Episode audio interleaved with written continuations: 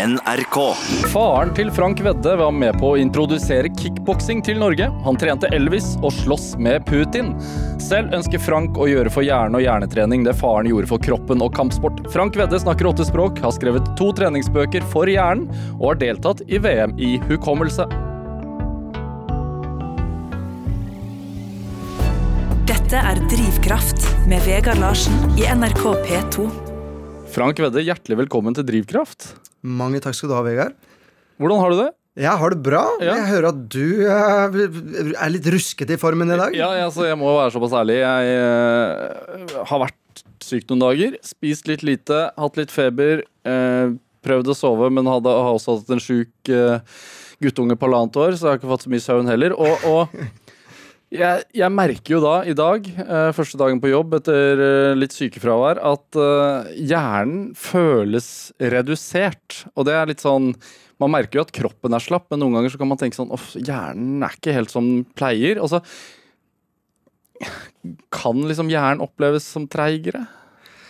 Det er klart det. altså Når veldig mye av energireservene du har i kroppen, da, eh, brukes til hjernen Veldig mye går faktisk til, eh, til hjernekraften, men når mye av det er dedikert til å slåss bort basilusker i kroppen, Ja. så har du litt manko i hjernen, da. ikke sant? Ja. Men som jeg liker å si, da, at eh, uten litt motstand, så får du heller ikke så mye mestringsfølelse. Nei, men er det sånn Er hjernen litt som en som en muskel, liksom. Og så er det viktig sånn som Når man trener fysisk, så er det jo viktig å spise godt, eh, trene hardt og restituere. eh, og gjenta øvelsene, og også kanskje bytte på. Er hjernen litt som en muskel? Det, i, I den forstand så er den eh, veldig avhengig av god næring, og veldig avhengig av hvile. Ja. Eh, uten også disse elementene så, så går du rett og slett veldig kjapt tom for, for reserver. Men det som er så kult med hjernen, er at du kan trene i toppform mye kjappere enn kroppen. For inni hjernen så er det elektrisitet. Og det her er nesten som eh, Ikke som en dimmer, da, hvis du skal sammenligne det med kroppen. Da tar det gjerne et par måneder for å, å få den i toppform. Mens eh, i hjernen er det jo elektrisitet, så den kan du skru av og på. Med andre ord, har du litt manko på energi, litt manko på mat, så vil, vil du nesten kjenne det på hjernen med en eneste gang. Ja. Hva, hva, hva snakker vi for å, for å restituere den? Altså, hvor mye sover du? Mellom syv og åtte timer. Eh, Og det tror jeg varierer veldig fra person til person, men det varierer også veldig i forhold til når på året, da. Vi er jo nå avhengig av D-vitaminer, og det er ikke så mye lys, så du får ikke naturlig kilden for D-vitaminer som, som du har her om, om sommeren, da.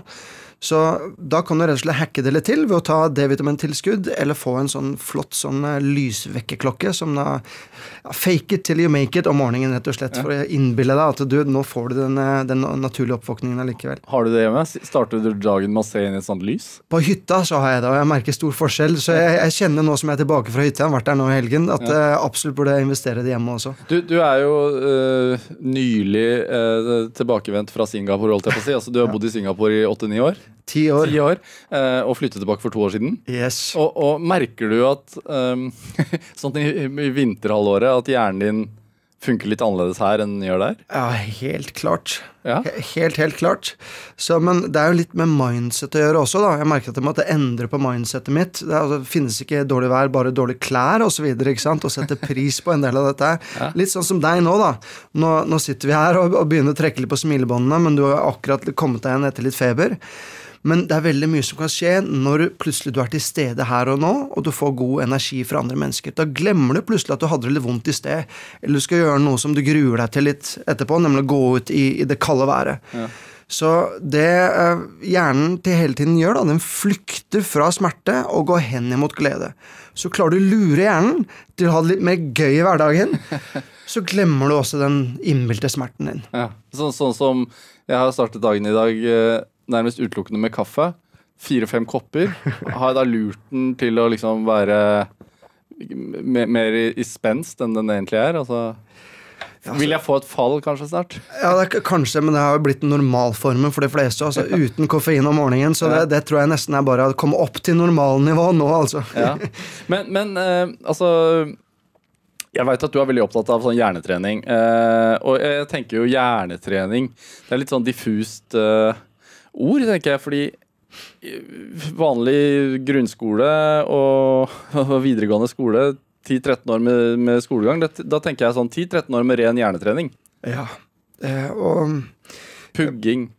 det, det, Læring. det er, mye, er mye vi kan ta frem fra både norske skoler som, som gjør det bra, men også veldig mye som vi kan gjøre annerledes, også med norske samfunn og norske bedrifter. Men eh, det meste vi har lært om hjernen, har vi lært de siste par årene.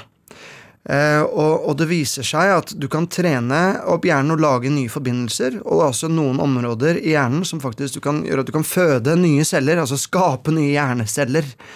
Ja, for jeg trodde at, de, at hvis man gikk på flatfylla eh, for hardt, så var de hjernecellene borte for godt. Du både mister hjerneceller, men hvis du trener hjernen riktig, da, så kan du også skape nye hjerneceller. Så jeg, eh, jeg tror ikke du skal være for bekymret for at du mister så mye. Men det jeg tror du skal være veldig bekymret for, er at du ikke bruker hjernen riktig.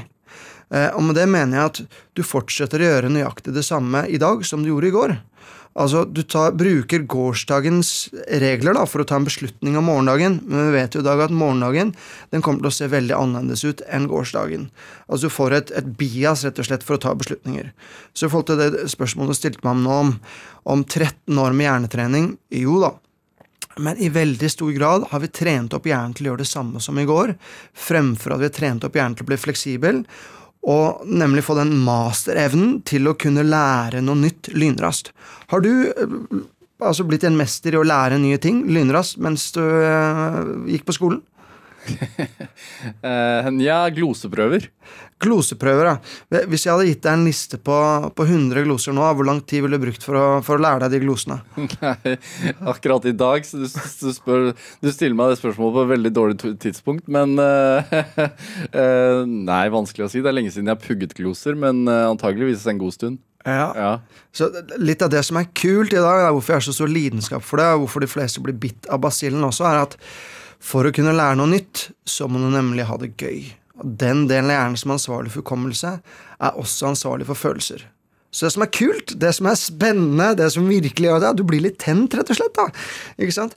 Det gjør også at du husker ting. Så med de riktige teknikkene så trenger du ikke mer enn en time på å lære 100 gloser. Eh, og, og det er det de fleste kanskje bruker en eller to uker på å gjøre i løpet av eh, altså skoletiden. Da. Så derfor så ble jeg litt oppgitt for at dette med hjernetrening ennå ikke har blitt fag på skolen, eller det er blitt en del av HR-avdeling ute i bedriftene, når fysisk trening har fått såpass stor plass. Men, men du, du, du snakker jo om en topptrent hjerne. Hva, hva er det egentlig? Ja, eh, det finnes ikke noe eh, universell definisjon på hva en topptrent hjerne er. Nei. Men eh, hvordan jeg eh, ser på det, det er at når du har en hjerne som tar imot nye utfordringer uten å gå i fight-flight, du får et såkalt veksttankesett. Det er litt som Pippi Langstrømpe, da. Du, dette har jeg aldri gjort før, så det kan jeg sikkert bra. Ikke sant? Eh, Så det vil si at hjernen din er såpass fleksibel at den ser eh, glasset som halvfullt fremfor som halvtomt, og tenker på du, hvordan i all verden klarer jeg å løse dette her? Og så har den hjernen opparbeidet seg noen det er det jeg kaller for funksjonell hjernetrener. Den har opparbeidet seg noen teknikker som gjør at du kan gå gjennom Kanskje jeg skal bruke den teknikken eller den andre, eller hva hvis jeg spør Vegard om råd? Kanskje vi sammen kan komme på noe kult? Og etter hvert så, så har hjernen opparbeidet seg et visst repertoar med teknikker som du kan begynne å bruke på disse problemene. Men Har det noe med intelligens å gjøre? Nei, det er ikke noe med intelligens å gjøre. Så jeg synes også intelligens, selv om det viser seg å være en, en viktig såkalt predikator, da, altså noe som forutsier hvor, hvor bra man såkalt lykkes med livet, så er det andre ting som i mye større grad sier om du lykkes med livet eller ikke. F.eks. den kjente, kjente psykologieksperimentet Marshmallow-testen. Hvor du da setter da noen, noen unger der eh, foran marshmallow og, og, og sier at vet du hva, eh, du må gjerne spise den her og nå, men hvis du venter, ikke sant, så eh, vil du få flere marshmallows. Og det viser om de som klarer å vente og har den ja, disiplinen eh, ikke sant, og klarer å se for seg eh, fordelene ved å vente litt, de lykkes også i mye større grad. Og det viser seg å være mye større predikater for å lykkes i anførselstegn, lykkes i livet enn ren IQ-test. Ja. Men, men, men altså Når du snakker om å lære, lære opp hjernen og, og trene opp hjernen eh, har, du, har du noe enkle triks også, som du kan ta veldig kort? Vi, fordi du, du, sier jo, du, triks. Du sier jo at man kan lære 100 gloser på en time, og vi har jo ja, litt under en time til rådighet, men det er litt kjedelig for lytteren at vi sitter og pugger gloser i en time. Men har du noe som kan funke på kanskje et minutt? Ja, det, det har jeg. Eh, La, la oss ta to biter. da Kanskje kan ta én om en gang, i og med at du snakker om, om gloser. Eh, Jeg vet at Mange nordmenn de elsker å reise til, eh, til Spania. Eh, Så på neste gang du tar flytoget, hvis du er fra Oslo her, da, så kan du logge deg inn på Wifi-portalen til Flytoget. Og der kan du da, med det programmet som er der, det heter Memolife, kan du lære 19 gloser på 19 minutter. Og en av glosene kan du lære på følgende måte hvis du skal lære deg spansk nå, da. Så eh, en bil på spansk heter coche. Hva høres det ut som på norsk? Coche. Kåt. Skje? Så se nå for deg at du har da en, en blå bil, eh, spansk bil, som kjører forbi en rosa bil på en spansk strand. Eh, og så kjører de forbi hverandre, så har du fremfor at du har den berømte stjerna på panseret til den blå bilen, så har du en skje istedenfor. Og når den kjører forbi den rosa bilen, den feminine bilen, så blir den skjeen på panseret større og større og større enn kåt skje. så, så neste gang når du tenker på da ja, eh, lyttere, jeg snakket her om at bilen fikk ereksjon. Eh, For, for, for å kalle en spade for en spade, da. Men så neste gang når du da tenker på du, hva var nå bil igjen, så trenger du kun å se for deg den lille tegnefilmen i hodet ditt med to biler som møter hverandre på den spanske stranda, og så ah, kåt. Der har du. Da husker du hvor du har lagret den glosen i hodet ditt. Takk, tusen takk. Det, jeg, skj- jeg skjønner at dette kan være morsomt. Ja, Det må være litt sexy, det må være litt gøy, og det må være litt annerledes for at du skal huske det. Ja. For den hjernen din den er en energibesparende eh, maskin, og den følger alltid minste motstands vei. Den er jævlig lat, rett og slett. Ikke sant? Så du må lure den litt, da. eh, for å skape nye baner i hjernen. Med ting man liker. Ja, med ting du liker. Ja. Og innimellom så lønner det seg også. Du, du kan bli litt skremt, men etter du blir litt skremt, da gjelder det at du blir litt, litt glad igjen etterpå Så det er sånn personavhengig hvordan man uh, stimulerer den. da Så det at du har valgt uh, noe grisete, sier kanskje litt om deg. Altså. Eh, ja, ok, greit. Få kalle en spade spade. Du, uh, I disse julebord, julebord og metoo-dager tror jeg man skal være litt forsiktig med det. Men du, det er selvfølgelig klar, altså Vi er altså, avanserte dyr, da. Ja.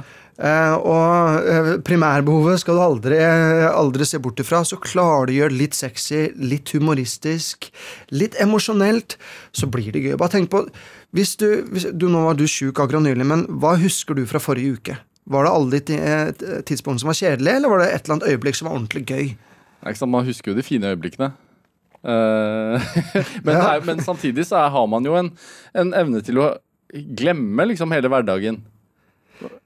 Hjernen er programmert. Er det, er det ikke noe sånn, altså, sånn når, de, når de intervjuer når de intervjuer eh, mulige eh, drapsmenn, f.eks., Mm. om hvor var du den dagen for Yes. et år siden Ja. De som husker hvor de var, det er mest sannsynlig har noe med ugjerningen å gjøre. Er det ikke noe sånt? begynner å bli suspekt. altså. Ja. Det som er litt, litt spennende og også skremmende å se, at for hver gang du trekker frem, eller henter opp, eller laster ned minnet da, fra, fra hjernen, så er din nåværende tilstand med på å omprogrammere det minnet.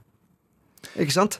Så, så sånn sett, der, Derfor så er det så viktig i, i intervjuet og de som har vært vitner til kriminelle hendelser osv., at de blir intervjuet med en eneste gang. For, for hver bidige gang de laster ned eller opp dette minnet her, så blir det på en måte påvirket av nåværende tilstanden. Og også av, deg som intervjuer, da. Nå sitter vi her og drikker kaffe. Så blir jeg intervjuet av din tilstand også, ikke sant? uten at jeg helt er klar over det. Ja. Så du, hjernen er ikke veldig pålitelig.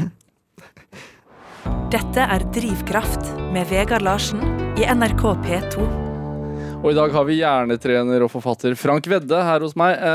Vi, vi snakker jo om uh, en upålitelig hjerne, men også en hjerne man kan fint trene i toppform. Ja. Uh, hva, hva, hvordan veit du dette her? Du er, du er ikke hjerneforsker. Nei, det er jeg ikke. Så jeg, for å ta en, en lang historie kort. Jeg jobbet uh, for mange år siden som ledelseskonsulent. Og mm, min store oppvåkning var da jeg så at alle de store, fine verdiene som eh, de forskjellige store selskapene i Europa hadde på veggene sine, Ja, for du var mye rundt. Jeg var mye rundt, ja. Eh, jobbet da i, med prosjekter mer enn tolv markeder. Og, jobbet mye med ledelsesteam som skulle få kampanjer ut i verden, selge produkter, markedsføre produkter osv. Og, så og det var jo store, flotte verdier som disse selskapene sto for. Men i praksis så var det sjelden disse ble omdannet til vaner i hverdagen. Eh, så, så, var det en hendelse som gjorde at vet du hva, nå hadde jeg lyst å, å, å faktisk bytte karriere. Og, og, fra veldig tidlig alder av så elsket jeg følelsen av mestring. Litt motstand, eh, og få mestringsfølelsen etterpå. Så var jeg såpass heldig at jeg ble introdusert til noen teknikker som gjorde at man kunne veldig kjapt få, eh, få mestring, og det i ung alder. Eh, så jeg hadde bestemt at eh, Hva var dette? Du, det, vaneendring, eh, husketeknikker, kreativitetsteknikker. Um, og diverse andre relaterte teknikker. Kommunikasjonsteknikker fra NLP osv. Uh, som gjorde at wow, du, vet du hva, den, den hjernen vår den består av masse, nesten som sånn tredimensjonalt Lego-puslespill. Så dersom du flyttet litt annerledes på disse klossene her, så fikk du et helt annet resultat enn det du gjorde hvis du bare fulgte på autopilot. da. Så jeg bestemte meg for å reise rundt i verden og studere av mange av de såkalt beste innenfor diverse, kall det gjerne bransjer. da så jeg studerte hos han som hadde eh, verdensmestertittelen i hurtiglesing. Jeg studerte hos han som var grunnleggeren av VM-hukommelse, og mange av de andre. Altså, du, du hadde egentlig en, en meget uh, god jobb, og så tenkte du nei, hjernen Hjernetrim. Det er gøy. Yes, det, det, var mer eller mindre det jeg tenkte. Du, jeg, hadde, jeg, var såpass heldig at jeg nesten nådde et slags glasstak i den jobben jeg hadde. Um, og i ganske ung alder så tror jeg ikke at jeg, jeg Ung og ung, da. Altså rundt 30 var da jeg sluttet i den jobben. Uh, så var det ikke så mulig å komme så mye lenger. Og jeg følte at de, de, prosjektene jeg jobbet med, de ga meg ikke så mye sånn Apropos drivkraft og, og tittelen her, da. De ga meg ikke så mye mening lenger. Jeg opplevde mye av det vi kommuniserte i etterkant av de prosjektene vi gjorde. Det var litt mer som rapping, ikke så mye innhold, på en måte. Uh, og dersom jeg skulle fortsette å jobbe i den stillingen der, så ville jeg, jeg tror ikke det ville gitt meg så mye i lengden. Så det som ga meg mening, var dette med mestringsfølelse. Og så så jeg allerede den gang at vet du hva, dersom vi ikke omstiller oss kjappere enn det vi gjør i dag, så vil det ikke gå så bra med dette samfunnet vårt. Eh, og Noen av de store utfordringene som vi i dag står overfor i dag, er jo dette med automatisering, robotisering. Eh, det er mer og mer vanlig at du ikke har én karriere, du må ha mange karrierer. Og vet du hva, dersom du ikke er flink til å kunne lære hva som helst hurtig, og omdanne det til vaner, da vil du ligge etter. Du vil bli skviset ut av arbeidsmarkedet. Så jeg så tidlig at masternøkkelen, altså fremtiden mellom ørene, og fremtiden er mellom ørene. Og Det hadde jeg lidenskap for, og derfor så hadde jeg lyst til å fordype meg i det. da. Men, men på hvilken måte er det en endring i forhold til hvordan eh, mannen i gata opererer, da, eller tenker, eller bruker hjernen? Eh, du, du, snakker om hjernetrening? Ja, nå, nå snakker jeg som, som, som, en nøkkel til, til fremtiden. Ja. Um, de fleste går på autopilot i forhold til det å lære seg nye ting. Uh, uh, og de aller færreste har lært seg da teknikker for hvordan du kan lære eh, ting vesentlig hurtigere enn det som er normalt. Altså, eh, dersom jeg spør deg, da, eh, forrige nyttårsforsett, lykkes du med det? Forrige nyttårsforsett du satte deg? Det er lov å si ja, altså. uh, jeg husker ikke engang mitt forrige nyttårsforsett. Nå ser jeg Fride og de andre her bak glasset her, de, de ler godt. Ja, Produsenten min ler. ja. Men, så, for de fleste så er det jo sånn at vi setter oss luftig nyttårsforsett 31.12., eh, og allerede 7.1 så er vi tilbake til gamle vaner.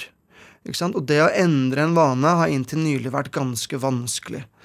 Eh, og det, akkurat som du sier nå, jeg husker ikke. Jo, men vet du hva, nå ja. kom jeg på det. Det tar bare litt tid. Det er det jeg sa. Jeg, hadde, jeg har uh, hatt feber og vært sengeliggende noen dager. Nei, jeg hadde ikke et ett nyttårsforsett, men jeg skrev opp en liste ja. over, over, endringer i, lø, i, i, løpet av året.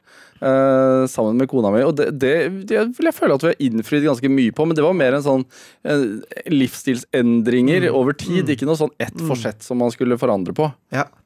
Men, men, en av nøklene som du sier der også, er at dersom du klarer å få en vanepartner, eh, så vil, eh, å gjøre noe sosialt, altså et sosialt mål, ja. så går sannsynligheten for at du lykkes med å endre en vane gjennom taket. Ja. Så det, det, er en av nøklene for å endre en vane.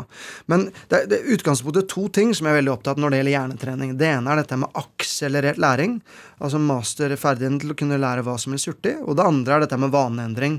Det å omdanne en teoretisk ferdighet til å faktisk bli en vane.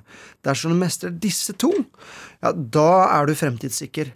For da kan du nesten omstille deg til, til nesten hva du vil, så lenge det er noe du syns er spennende. Ja, fordi du, du har jo skrevet en, en, en bok som, som heter eh, 'Ligg et hode foran ti ferdigheter du trenger før robotene tar over'. Ja. Og, og man, man det er jo sånn i dag at nærmest alle sammen frykter jo en sånn automatisering. Og man merker jo det allerede altså, i butikkene. Man snakker jo om eh, biler som går av seg selv. Hvor blir det da av taxinæringen, lastebilnæringen?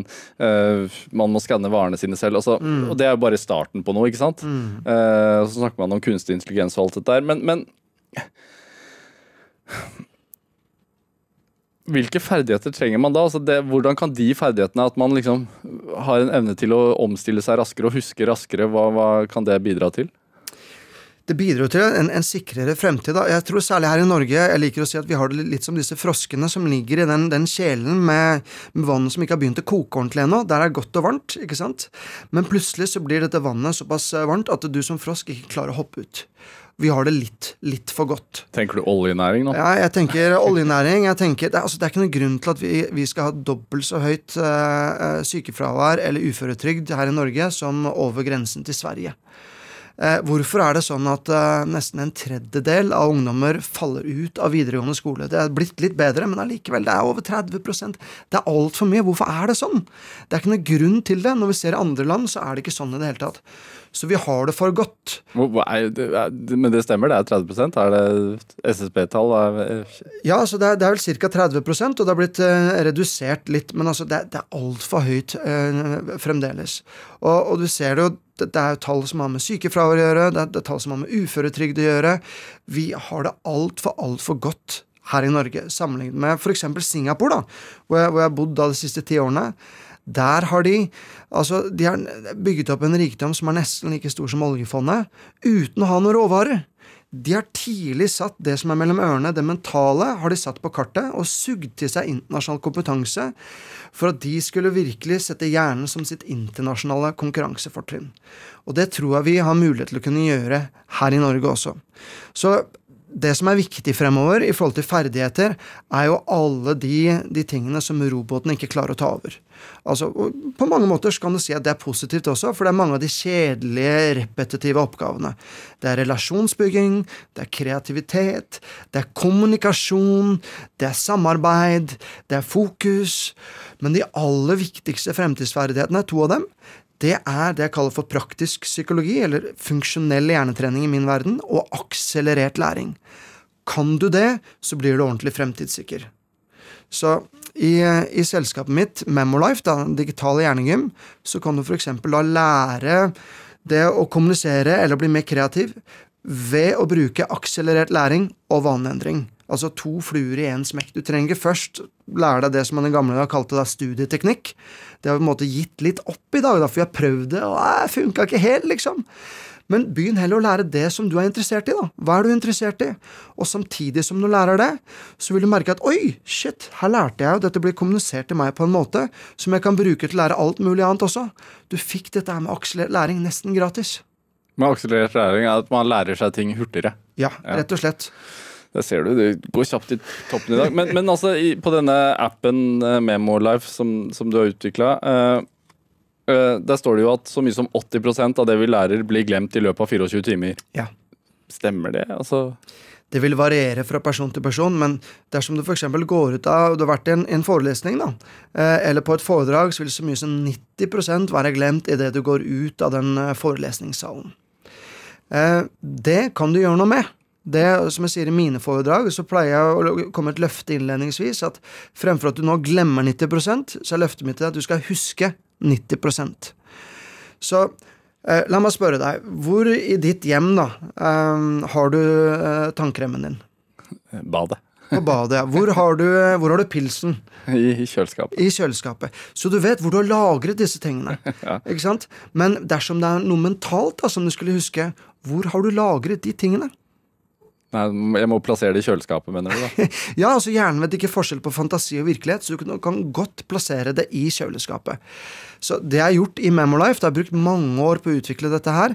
Vi har lagd et slags mastersystem for hukommelse. Men Har dere gjort forskning på det, og har dere testet og... Dette har, vi, dette har vi testet. Dette er faktisk basert på forskningen som Moser-ekteparet gjorde. Det var de som Ja. vant da, uh, altså Nobelprisen i medisin for sine studier på hukommelse.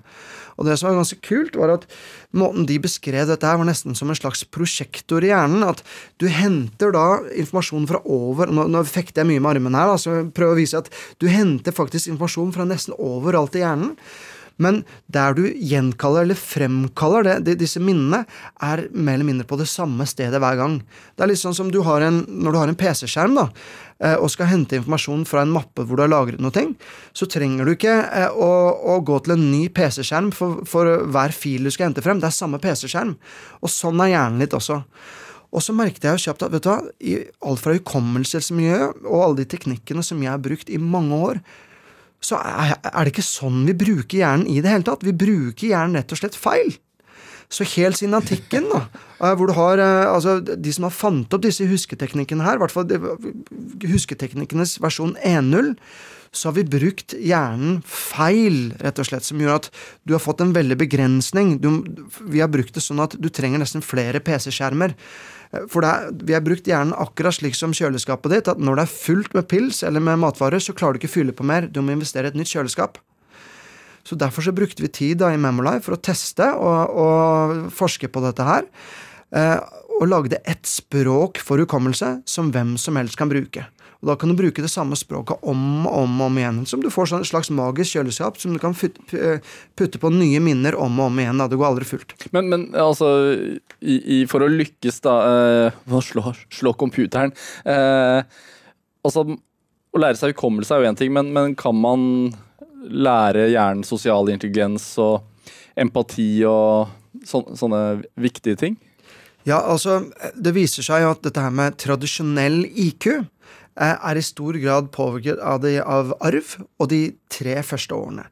Men uh, dette med sosial intelligens, relasjonsbygging, forholde seg til andre osv. er i mye større grad opptrenbart.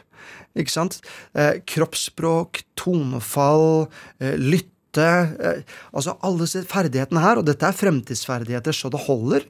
For, for om vi vil eller ikke, så må vi forholde oss mye tettere på andre mennesker i fremtiden. Robotene vil ta seg av mye av de repetitive oppgavene, mens mye av den, altså det, det gullet som ligger mellom deg og meg, eller mellom når vi møter fremmede, det er det som virkelig vil være med på å skape fremtiden. Så dette er fullt og helt holdent opptrenbart.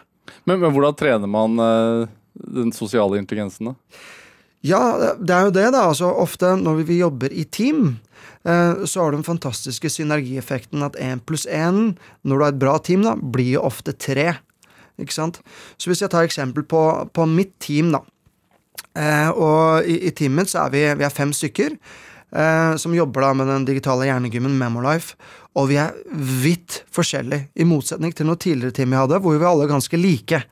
Og nå er vi ekstremt forskjellige. Til å begynne med så blir det mye gnisninger. Men etter hvert så har vi klart å gjøre disse gnisningene til at synergieffekten blir da 1 pluss 1 er lik 3 eller 4 eller 5. Eh, la meg ta et eksempel. Som leder så syns jeg alltid det var viktig å være veldig visjonær. Vet du hva, vi skal gjøre folks hjerne topptrent i dag, mens du lynraskt lærer ferdighetene for i morgen. Liksom, jeg sto virkelig og hamra dette her inn i liksom, de, de som var med i teamet mitt. Du Vært på foredrag med Petter Stordalen, da. Ja, jeg, jeg hørte han var her. Men ja, nesten litt sånn, da. Og teamet de ble så lei. Å, Frank, kan du kutte med det? Vi har kjøpt den visjonen for lenge siden. Det er derfor vi er her. Vi er en del av dette her, da. Kan vi ikke forholde oss mer til det vi skal gjøre denne uka her, Frank? Ikke sant? Og så, Jeg er jo emosjonell type, så jeg tok meg litt nær av dette her. da. Og selv om jeg kanskje ikke viste det så tydelig, trodde jeg det i hvert fall, så tok det kanskje en 15-20-30 minutter til at jeg hadde roet meg ned, da, selv om vi snakket om sak etterpå. Eh, og så, så utviklet vi en teknikk som i dag kaller for koseord, rett og slett. Og den teknikken gjør at du, du klarer å skru av den såkalte reptilhjernen, den som er ansvarlig for fight-flight, og, og som da gir tilgang til de andre hjernene, litt, hjernedelen litt ovenfor. Emosjonshjernen som er ansvarlig for hukommelse og følelse, blant annet, og den mer rasjonelle eh, menneskehjernen. da. Eh, Så hver gang gutta mine, og for så vidt eh, jentene mine også, så at jeg reagerte emosjonelt ved å være altfor visjonær, og det, fremfor at de sa 'Frank, åh, nå gjør du visjonsgreiene igjen', så sa de til meg 'blåbær'. Og vet du hva, reptilhjernen min den føler seg ikke truet av blåbær. Litt ovenfor så har du emosjonshjernen, eh, og når reptilhjernen er skrudd av, så øker vi da eh, evnen til å kunne huske fra kun to elementer om gangen opp til syv elementer om gangen. Så emosjonshjernen den begynte da å tenke ja, men jeg elsker jo blåbær, er det noe blåbær rundt omkring her? Nei, det var det ikke. Så går vi høyere opp til, til menneskehjernen, da. Så høyre del av menneskehjernen er opptatt av ytre ting og anekdoter og historiefortelling. Og, og den begynte da å tenke du, blåbær, hva mener de med blåbær? Ah, og så kom dette lyspæreøyeblikket i venstrehjernen som er opptatt av mer indre ting og detaljer. Og den skjønte jo da veldig kjapt at aha, Blåbær betyr jo bare Frank, ikke vær så visjonær, vær opptatt av her og nå og det vi skal gjøre denne uka her. Så fremfor at det hadde tatt da 15 minutter for at jeg klarte å omstille meg og gikk fight flight, så tok det kanskje bare par, altså fem sekunder. Og fremfor at det ble kritikk, så tok jeg det som kjærlighet fra teamet. Og da ble det mer sånn high five, jeg kunne le av meg selv, de lo av meg, og så var vi videre på sak. Og sånn så, så klarte jeg å endre vanen ved hjelp av teamet, fremfor at jeg tok meg nær av ting. det er som et sånt uh, ord å si fra hvis man, hvis man uh, driver med noe kampsport da, og ligger i sånn MMA-ring og blir kvalt og det kanskje går for langt, så har man et sånt uh, sikkerhetsord, eller man må slå i bakken. Ja, eller, eh, ja du, du, har mange miljøer hvor du har sånne kodeord, da, ikke ja. sant? men eh, du kan bruke det på ungene dine. Men altså, bruk det på hjemmebane med, med, med omhu, for å si det sånn. Hvis du bruker litt for mye, så kan det være mot sin hensikt. Fins det ganger hvor, hvor, det på hjemmebane at det er noen der som sier blåbær til deg, eller? Jo da, det de gjør det. Altså, på hjemmebane så er det litt andre, eh, andre koseord rett og slett. Så ungene kan noen si 'blåbær', så sier du dette her med, dette her med, med, litt feil tonefall, så kan det bli mot sitt hensikt. Men for det meste så blir det gøy. Det er rett og slett det. Du, du spurte meg om det finnes noen triks da innledningsvis i dag. Og dette er en av triksene som jeg elsker, for eh, det gjør at du kan endre en vane sammen med noen andre på en brøkdel av vanlig tid, og så blir den lille endringsreisen blir morsom. Det blir gøy. Dette er Drivkraft med Vegard Larsen i NRK P2. Og i dag så har vi hjernetrener og forfatter Frank Vedde her hos meg. Og du, du snakker om fight flight. Yes. Eh, å gå i fight mode, antageligvis er det jeg tenker på. Og, og, det bringer jo tankene mine til din far, da, som var kampsportutøver. En ganske anerkjent sådan. Eh, og han etablerte treningssenter i Norge, og han eh, var med å etablere kickboksing i landet. Han hadde masse treningssenter rundt omkring. Eh, Wolfgang eh, Vedde eh, het han. Heter. Heter, unnskyld. unnskyld. Ja. Og trente han Elvis? Han ga svart belte til, til, Elvis i sin tid. Altså rockekongen Elvis? Ja, han gjorde det, og sloss med, med Putin i Øst-Berlin. Altså, og, og, var en av gründerne til, til det første internasjonale forbundet i kickboksing. Så, så, det han gjorde ved å kombinere spark fra Østens kampstiler og, og slag, da, boksing fra, fra, Vestens kampstiler, så ble det Først kalte de sportskarate, så ble det kickboksing, for de hadde kombinert spark og slag fra forskjellige områder. Faren din slår gjerne ut av folk, og du så jeg, jeg, er litt inspirert av det de gjorde eh, på den tiden, fordi de, de brukte eh, det som i dag er kanskje den, viktigste kreativitetsteknikken, nemlig kombinere forskjellige tanker til en ny idé. Ja. Det var det de gjorde. Og det er litt av det samme jeg har gjort med Memolife. Og det ble revolusjonerende? Ja, det ble banebrytende. Ja. Eh, og det er jo blitt til en av de største idrettene i verden, til at det da var en hel frynseidrett. Det, det, det eksisterte jo ikke engang. Så, men de tok rett og slett med seg hva er det som funker. Sånn som MMA eller UFC i dag, de tok med seg de teknikkene som funker, og det som ikke funker. Det som ikke da tåler altså litmus-testen, funker det i praksis eller ikke, det fjerner vi. Og det er litt av det jeg gjør med funksjonell hjernetrening og, og Memolife, med disse fremtidsferdighetene. Hvilke teknikker funker i praksis? Det tar vi med oss. Hva er det som er forskningsbasert? Og det som ikke funker, ja, vet du hva, det skroter vi eller legger vi på is. Det er ikke vits i at vi fokuserer så mye på. Men, men, det å ta ting fra forskjellige retninger og, og, koble det sammen og se hva som funker, og, og, så er det noe du har med deg fra du var barn, og så var det veldig fokus på fysisk trening for deg? Det var veldig prestasjonsorientert. Jeg tror jeg var langt over snittet, for å si det sånn. Hvordan, hvordan da? Jeg, jo, altså, da jeg var ni år gammel så tok jeg 801 pushups. Det var sånn at pappa måtte stanse meg, da. Eh, så stor prestasjonskultur eh, hjemme i Hallenskog hvor jeg vokste opp.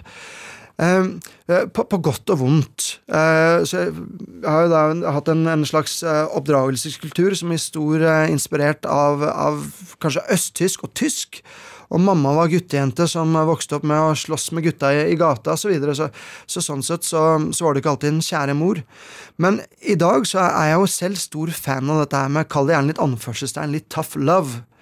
For eh, bak den motgangen du får, så får du en mestringsfølelse. Og det er ikke sånn i dag at, at vi kan si til barna våre og ungdommene at du kan bli alt du vil, for du kan ikke det. Det er løgn, rett og slett. Du kan ikke bli alt du vil. Eh, for det, for det, vil ikke være nok stillinger der ute til at du kan bli nøyaktig det du vil. Men opp til en viss alder så må det jo være greit å si at de kan bli alt de vil. Eh, altså, Bruk det litt med omhu, da. ikke sant? Eh, jeg tror at dette her med å ha en følelse av selvverd, ha en god selvfølelse, det bør ikke alltid være knyttet til alt man gjør. Du har vært noe selv om du ikke presterer noe. Det er litt av poenget. Eh, og, og, det å bli, å prestere og gjøre et eller annet for, for sånn sett, å få en eller annen tittel, det bør ikke nødvendigvis henge sammen med din selvfølelse, at du har en verdi som person. Jeg tror det er to vidt forskjellige ting. Ikke sant? Følte du på det selv? Ja, jeg følte på det i mange uh, lang periode selv, og det uh, Og sånn sett kan man si at jeg typisk hadde en sånn overachiever-kompleks, uh, men som også da etter hvert ble til min styrke.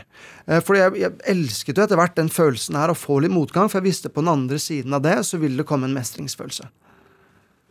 Hva, men Drev du med kampsport selv?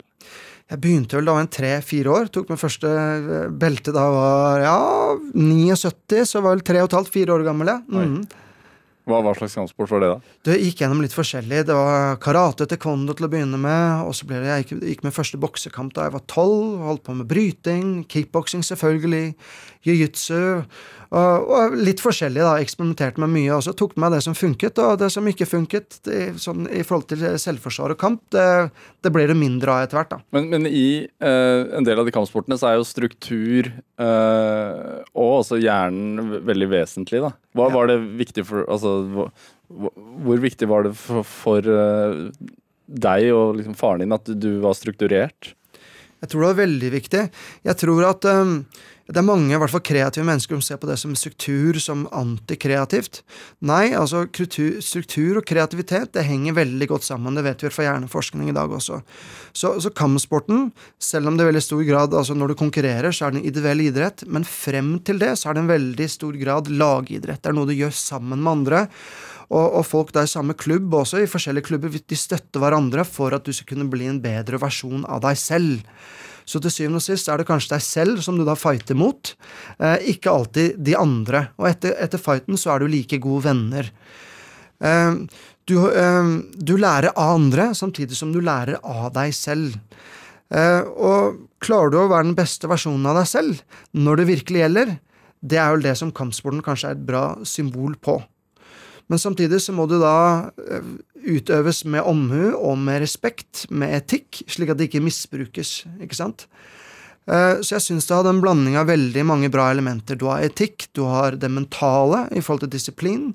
Eh, du har spenningselementet, du har konkurranseinstinktet, og fremfor alt så er det, det er veldig gøy. da, Det er morsomt. driver du med det nå? Ja, da, jeg driver med det fremdeles. Ikke aktivt. Du, du vil nok ikke se meg gå med, rundt, med så mye blåklokker rundt øyet osv., men det, det, er litt daglig skyggeboksing og skyggekickboksing og mye av de samme treningsøvelsene som ligger, eh, ligger til grunn hver dag fremdeles. Ja. Bruker du det nå i forhold til Uh, hukommelsestrening og hjernetrim? Du, du, Når jeg holder foredrag, så, så, hender det fremdeles at jeg tar en, eh, en hopp judorulle på scenen, eller, eller gjør noen sånne ting der fremdeles. Uh, noen ganger jeg blir jeg litt for, for ivrig. Men hva kroppen din gjør, påvirker i veldig stor grad din mentale innstilling. Så når du sitter foran PC-en din med lut rygg, kikker nedover, hva slags signaler sender du til hjernen din da? Sender du signal at 'yes, i dag er dagen'? ikke sant? Og 'yes, nå gleder jeg meg virkelig'? Eller er det sånn at åh, ok, greit, skal jeg begynne på neste oppgave som jeg ikke har lyst til nå? ikke sant? Det blir en sånn selvforsterkende effekt. Så i veldig stor grad da, eh, dreier det, det seg om å lykkes med det mentale, at du først må lykkes med det fysiske. Du klarer sjelden å, å påvirke det mentale dersom du ikke har med deg fysikken. Så rett deg opp, pust med magen. Bare det at du sitter lutrygget, gjør at du bruker en brøkdel av lungekapasiteten din, og vet at det mesteparten av oksygenet skal opp til hjernen. Og hvis du kun bruker 30% av lungekapasiteten, er ikke rart at du blir sliten, og at du eh, kanskje nå allerede er på din fjerde kopp kaffe. ikke sant? men, men, når merket du at du eh, selv har eh, Altså at du har god hukommelse? da? Altså, Jeg begynte med disse teknikkene allerede som niåring. Hvordan, hvordan startet det? Du, Jeg fikk en bok av pappa, uh, som han selv antakeligvis hadde kjøpt til seg selv. Jeg vet ikke helt om han klarte å omsette den i praksis. Og så ga han, han begynte, lurte meg litt med at jeg, kanskje du og jeg skal lese den her sammen. Og at vi skal konkurrere, konkurrere, litt, men det var vel jeg som tok den over, da. Og den var fra Tony Busan. Uh, Hvem er det? Tony Busan, vet du hva. Jeg hadde to, tre forbilder da jeg vokste opp. To av dem var mamma og pappa. Eh, og den tredje var Tony Busan. Han var grunnleggeren av VM hukommelse og oppfinneren i mindmapping. Så Det minner meg egentlig om en historie som jeg tror jeg kan dra frem nå. For i 2001 så sitter jeg da i teaterkafeen sammen med barndomsidolet mitt, Tony Busan. Og vi, vi drikker da konjakk fra 18 1998. eh, og, og, jeg hadde akkurat mer eller mindre tvunget Husket mindre og mindre. ja, ikke sant. Det gikk rett bort, da. Jeg hadde tvunget meg selv til, å, til forlaget hans her, da, å være assistenten hans på en sånn to ukers eh, bokturné. Og vi hadde akkurat vært på Skavlan, og vi, vi satt der og feiret da, på Theatercaféen. Og det var den gang vi hadde disse polyfoniske ringe, ringetonene på mobiltelefonene våre. Uh, og det kom masse meldinger inn, og lagde masse lyder på mobiltelefonen min. Og så sier han, uh, han Tony til meg 'Frank, put that phone down!' Og jeg skvatt såpass at jeg mistet den telefonen min oppi et vannglass. Uh, og, og, da lo jeg Tony godt, så han sier til meg som følger 'Frank, I'll tell you a story'. Og den, den historien tenkte jeg skulle fortelle nå, da. og Det er et eksperiment som ble gjort på Harvard University, og der var det tre musebur.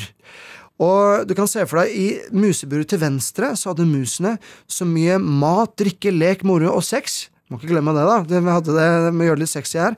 Uh, som, uh, som bare kan forestille deg. Og det midterste museburet så hadde musene akkurat det samme, men de fikk elektrisk støt en gang i timen. Og i det høyre museburet hadde musene akkurat det samme blandingen, men de fikk elektrisk støt i helt tilfeldige intervaller. Det kunne vært en gang i timen, hvert tiende sekund, eller to ganger om dagen. Så er spørsmålet som Tony da stilte meg, og nå skal jeg stille det til deg, Vegard. Dette er ikke noe IQ-test, så det finnes ikke noe riktig eller feil, bare som er riktig for deg.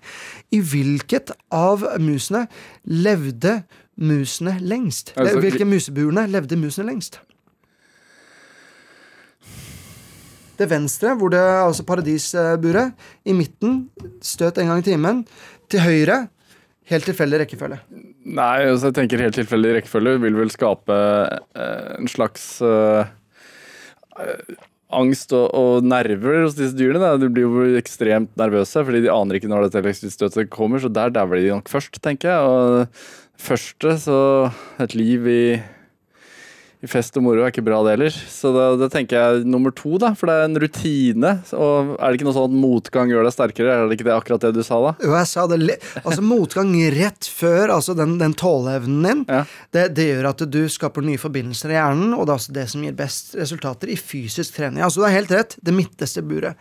Men det viser at det høyre buret, hvor du hadde det elektriske støtet i helt tilfeldig rekkefølge, der døde altså musene kun etter et par uker.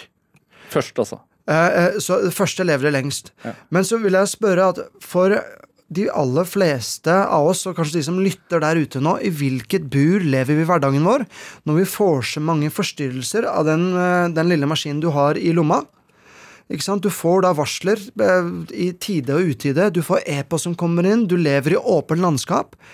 Så all informasjon i hverdagen, bortsett fra lukt, faktisk, alle sanseinntrykk du får i løpet av hverdagen, må først gå via reptilhjernen, såkalt fight-flight-hjernen.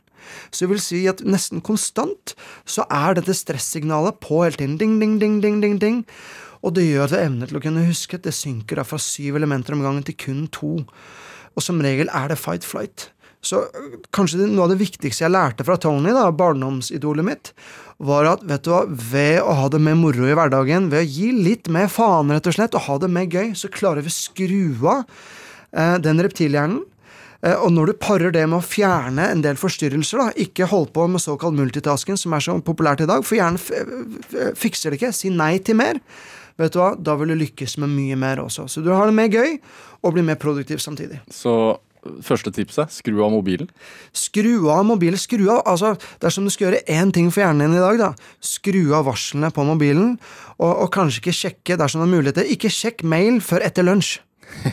klarer du å etterleve det selv? For det aller meste så, så klarer jeg det. Det er klart det det er jo enkelte dager du vet det er noen ganger du må ta telefoner, eller noen ting som du venter på må sjekke til, rett før du skal ha noen møter osv. Men eh, jeg elsker å, å, kunne sette av dedikert tid hvor du bare jobber med å være såkalt proaktiv, da, hvor du selv bestemmer tiden. For hver gang du blir forstyrret, så tar det ca. 24 minutter igjen før du kommer inn i dybdekonsentrasjon. Dette er Drivkraft med Vegard Larsen i NRK P2. Og i dag så har vi hjernetrener og forfatter Frank Vedde her hos meg, og vi prater om den store, stygge ulven, nemlig mobiltelefonen som Ja, du sier nesten at det, det gir deg stress og kan eh, ta fra deg livet. Eller livskvalitet, kanskje. Evnen til å huske bedre. Eh, nok om det. Men du, eh, jeg syns det er så morsomt fordi du har deltatt i hukommelses-VM. Yes. Veldig vanskelig å se for seg hvordan et hukommelses-VM foregår. Hvordan foregår det? Du, det, det, er mange altså Jeg kaller det faktisk mental onani. For en del av disse disiplinene du, du konkurrerer i der, da, er å faktisk memorere rekkefølgen i mer enn ti kortstokker på en time. Og på en halvtime så skal du memorere rekkefølgen i binære tall, altså 001, 001, 000. Så jeg kaller det sports memory, ikke life memory, sånn som mitt selskap Memolife. da, At du, du memorerer ting du faktisk kan få bruk for. Så i veldig stor grad hvorfor jeg deltok der, i Kina, uh, i, i, 2010, var for å se om det var noen av de som var med der, som hadde utviklet et system som gjorde at du faktisk kan bruke altså, hukommelsen om og om igjen for å lære ting som du virkelig har utbytte i livet. Det var det ingen som hadde gjort. Så det ble mitt livsmisjon rett og slett å utvikle noe som var funksjonelt. Noe som var for life memory. Men hvordan gikk det i VM? Du, jeg, var, jeg, gjorde det greit. altså Jeg var vel en, en topp 100 da. Det, det, kunne helt klart vært bedre. Men jeg må også si at jeg var ikke med i alle disiplinene. Um, jeg ble nemlig intervjuet på kinesisk Dagsrevyen. Um, og ble vist foran Barack Obama, og den gang da Koreakrisen ble sett av et par hundre millioner mennesker, om nettopp dette hvordan kan du gjøre det funksjonelt, ikke bare memorere kortstokker og binære tall. Men, men hvordan forbereder du deg til altså bare sånn, å forberede seg til å huske ting man husker i, i, i hukommelses-VM? Hvordan forbereder man seg til det? Det, det var jo litt sånn som uh, altså Du ser for deg at du sitter med en haug med kortstokker foran deg, da, som du har stokket tilfeldig, og så går du og memorerer disse her på tid. Og så må du se om du da husker det riktig i etterkant. Altså Eh, totalt mental onani ikke nyttig for hverdagen i det hele tatt. Men veldig kult når du får det til. Men det, er klart at det er for spesielt interesserte. For folk flest. Det, Dersom du tar en annen disiplin som du også konkurrerer i, det er nemlig huske da eh, navn. Det er funksjonelt. Det er kult. Det er noe du kan bruke i hverdagen. ikke sant? Og det er jeg fan av. Men de andre disiplinene det blir nok dessverre som Selv om det, det kan være gøy, det òg, så blir det ikke så funksjonelt og nyttig for, for hverdagen. da. Nei, og med mobilen som vi allerede har nevnt, som har blitt en sånn forlenget del av en selv, så har ja. man jo alle svarene i lomma. Altså sånn Drillo-kunnskap, sånn huske alle fjelltopphøydene. Det har man jo i lomma. Det er morsomt på quiz, kanskje? Ja, det er morsomt på quiz. Og så Mange stiller jo spørsmål hva skal du med hukommelse i dag, når du har Google i lomma. Ja. Men ok, dersom du ikke har noen gode spørsmål, da, hva skal du spørre Google om da? Ja. Altså, du trenger kunnskap, du trenger erfaring, slik at du kan danne nye tanker og få de gode spørsmålene, slik at du faktisk kan få løsninger til det jeg er opptatt av. Altså, fremtiden ligger mellom ørene. De viktigste fremtidsferdighetene ligger mellom ørene. Så for å kunne løse de store utfordringene vi nå som samfunn står utenfor Du har eldrebølgen. Du har eh, automatiseringsbølgen. Eh, du har altså, utenforskapsbølgen. altså 30% av eh, jenter i 14-årsalderen i dag lider av eh, depressive tanker, av depresjon, rett og slett. Av hvordan, hvordan løser vi dette her? Jo, svaret finner du mellom ørene. Ikke sant? klarer du i mye større grad, vi var inne på dette med mobiltelefonen tidligere, å fjerne det og begrense det? Altså Bare tenk selv da, etter da, da du så på en, en Netflix-episode forrige uke og det var et kanskje kjedelig øyeblikk, eller tre, da, i en eller annen episoden var. I hvilken grad hendte at du faktisk tok opp mobiltelefonen selv om du ikke hadde fått en melding? Ja, det er sant. Det er et godt poeng, akkurat det der. Eh, eh, men jeg tenker jo sånn å tenke seg frisk, sånn som du nevner, altså depresjon og sånne ting, det er jo eh, det, er jo ikke Altså, det å tenke seg frisk er jo veldig omstridt. Er det mulig å tenke seg frisk? Altså, du har jo noe som da er, klinisk, øh, og, som da har en helt annen sammensetning av nevroner og områder i hjernen. Så øh, dette her med mental helse er absolutt helt klart reelt. Men i veldig stor grad så kan man eh, også påvirke mye av dette, absolutt ikke alt, men veldig mye av dette kan man påvirke med mentale teknikker. Og, og vi har jo noe som da heter da negativitetsbias, eksempel. Så når vi da utsettes for eh, altså mye negativt i sosiale medier, tradisjonelle medier, eller fra de du omgir deg med, så vil det forsterke et negativt tankemønster i hjernen. Hjernen følger minste motstands vei. Så i prinsippet så skal det da mer enn fem ganger så mange positive inntrykk inn i hjernen for at du faktisk skal ende opp i pluss. Så klarer du å fjerne en del av disse negative inntrykkene dine og forsterke en, en positiv indre dialog, vet du hva? Ja, da ender du opp med å bli mer positiv òg, da. Har du, har du brukt eh, det knepet selv? Ja, det er en av disse hundre eh, ferdighetene vi har i Memolife. Det er, det er indre dialog. Og da har vi veldig fokus på dette med en positiv indre dialog. Men har, men har du liksom brukt det på deg selv noen gang, og så har du hatt bruk for å bruke trikset Ja, vet du hva? Eh, eksempelet som jeg ofte nevner, da, at jeg, hadde en kunde eh, som eh, hver gang jeg var i møte med han, så satt han med morske øyne, da, så, så eh, ordentlig ned, og med armene i kors, og så satt han liksom pustet tungt. Eh, Frank, eh, jeg vet ikke helt. Ikke sant? Og reptilhjernen min gikk fight flight med en eneste gang, og min indre dialog var ekstremt negativt. Nå har jeg sagt noe feil, han liker meg ikke, og det liksom gikk på høygir. Altså var 18 negative tanker på meg en eneste gang. Eh, og så, så konfronterte jeg han rett og slett med det. Vet du hva? Eh, Øyvind het han. Eh, Øyvind, vet du hva? Når du sitter sånn som dette her, så trigger det en negativ indre log i meg, men antagelig er det bare meg. Hva tenker du selv? Nei, vet du hva, Frank. Eh, Jeg føler meg faktisk litt truet av spørsmålene dine, og jeg vet ikke om jeg har de riktige svarene. Så jeg sitter faktisk selv med en indre dialog, med en negativ indre dialog. Der satt vi da begge to og hadde en sånn ordentlig kjip negativ indre dialog uten at vi egentlig hadde noen grunn til det. Som da påvirket at, at vi rett og slett hadde en negativ stemning. Eh, og, og sånn sett, e- etter det at vi hadde løst årsakene, så hadde vi plutselig en, en mye lettere stemning oss imellom. da. Det, altså du, du nevner eh, Du nevnte at det å huske navn Yes. Det, det er noe du du liker, eh, og, det syns jeg er veldig fascinerende. Og jeg syns det alltid er veldig imponerende. Altså, sjefen på NRK for eksempel, Tor Eivind Eriksen, han er veldig god på å huske navn. Eh, ser folk i gangen, husker navnet, og det er mange ansatte her. Uh, og, og det tenker jeg Jeg tenker alltid at åh, den personen ser meg, den husker navnet mitt. Altså, Men hvordan har du et godt triks? Hvordan kan man lære seg å huske masse navn? Ja, uh, hvis du tenker på meg, da, eh, som har eh, Jeg har knekt nesa noen ganger, eh, og har da en kul midt på nesa. Og jeg heter jo Frank. Det rimer på bank. Eh, så klarer du kanskje å se for den kulen på nesa er nesa mi, se for at det er en boksehanske. Eh, Ja, jo, ja. ikke? Og, så det er kanskje det som er mest fremtredende med ansiktet mitt. Nå har jeg ikke hår, jeg, er- så videre. Så da stikker den nesa litt, litt ekstra frem, da. Så eh, akkurat som jeg nevnte tidligere i dag, at de mentale tingene som ofte vi skal huske, der har vi ikke et kjøleskap som for pilsen eller den tannkremen for badet ditt osv. Du vet ikke hvor du har lagret det. Men dersom når du møter noen neste gang, så tenker du da kanskje først og fremst hva er det som er mest tydelig ved ansiktet til vedkommende som du møter. Inni det stedet i ansiktet, plasser så der en liten visualisering av det navnet til den du møter, minner deg om. Og vet du hva? Um, Hvis du skal ta meg som eksempel.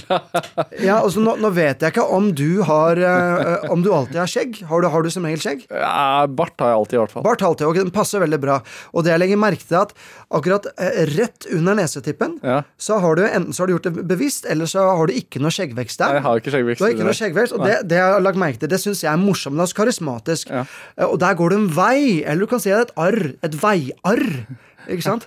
Så at du ikke har noe skjeggvekst der, det, det, det lyser mot meg med eneste gang. Så for meg så kan jeg se for at det da er en vei eller et arr, og det passer så som en veggarr eller veiarr. Ja. Ikke sant? Så neste gang hvis hvis jeg, jeg skulle møtt deg, da, så jeg tenkt hva er det som er den mest fremtredende med ditt ansikt? Og dersom du da hele tiden har bart eller skjegg, så er det det som ville stått frem for meg. Ja. ha. Men bruker du den teknikken Den, bru, den bruker, veldig ofte? Bruker du blir jo nesten litt sånn eh, Du blir litt sånn yrkesskadet etter hvert, da. Men det gjør jo at du klarer, fremfor at du tenker på kanskje hva du skulle si, eller tenker på ting fremover, så klarer du å være til stede her og nå. Du klarer å lure hjernen, uansett hvor kjedelig temaet er, så klarer du å lure hjernen til at å ha interesse for andre mennesker, fremfor å ha fokus på deg, så har du fokus på andre. Så i den digitale hjernegym Memolife så er de mest populære spillene det er de så hvor du klarer å spille deg gjennom eh, de forskjellige nivåene og lære deg å huske navn og disse morsomme visualiseringsteknikkene her. da. Men Hender det at du glemmer noe selv? Ja, vet du hva. Eh, hjernen din er kun så god som den såkalte glemselskurven. Så det viser seg, og den forskningen her kommer, går helt tilbake til slutten av eh, det 1800-tallet, at hjernen har noe som heter glemselskurve. Eh, og jeg kan gi folk da en tommelfingerregel på dette her. Dersom du frisker opp noe etter en dag, etter en uke, etter en måned, etter et kvartal, etter et halvår, altså etter fem ganger, altså totalt seks ganger med den første gangen du lærte noe, da vil du faktisk beholde noe i langtidshukommelsen din. Ja, men, men hender det at du kan glemme noe selv? Ja, er du gæren? Det er klart det. Og det, det, det, det er typisk når jeg ikke har frisket den opp, sånn som dette her. da. Så derfor så, jeg er ikke, nå, nå gir jeg mye dritt til mobilen, bil, mobilen og apper og sånn her, da. Jeg er jo fan av det, så bruk, bruk teknologien for det den er god for. Og, og bruk den eksempel det til å kunne min, min, hva, hva er det siste du glemte, da? jeg, jeg slipper deg ikke av kroken. Nei, altså, jeg skulle, jeg, jeg, jeg skulle si det har jeg glemt. Det må jeg, det må nesten komme på nå. Så jeg, er noe morsomt jeg kan komme på Jo, jo, vet du hva, faktisk. Jeg, um, jeg glemte faktisk eh, Jeg holdt foredrag eh, jeg var på foredragsturné, og dette er ordentlig flaut å si dette her, altså, men jeg, må nesten si det. Eh, um, eh, Georg, dersom det er der ute, du kan le med meg. Jeg glemte PC-en min på flyet i, i Trondheim da jeg skulle ut og holde foredrag der nylig. Da glemte jeg PC-en min, for jeg hadde lagt den på et helt annet sted. For jeg fikk, jeg fikk ikke ta med meg bagen min om bord. Den måtte ta ut, så måtte jeg ta på PC-en. Og da var den ikke på det faste stedet mitt, så jeg glemte den. Ja, så Det skjer også med deg, det er godt å høre. Men du, eh, veldig kort her nå på slutten. Hva vil du si drivkraften din er, eh, Frank Vedde? Du, drivkraften min er å hjelpe folk ligge et uh, hode foran, slik at du får en topptrent hjerne i dag, med lynrask læring av ferdighetene for i morgen. Og i starten av denne sendingen så lærte vi hva bil var på spansk, nemlig en skje. Eh, det sitter, det kommer til å bli sittende, så tusen takk for det. Tusen takk for at du kom til Drivkraft, Frank. Mange takk skal du ha, Vegard. Hør flere samtaler i Drivkraft i NRK Radio på nett og app. Send forslag til gjester som jeg kan invitere til programmet, eller send en tilbakemelding på det du har hørt, til drivkraftalfakrøll.nrk.no. Produsent i dag var Fride Næss Nonstad. Jeg heter Vegard Larsen, og dette her var Drivkraft.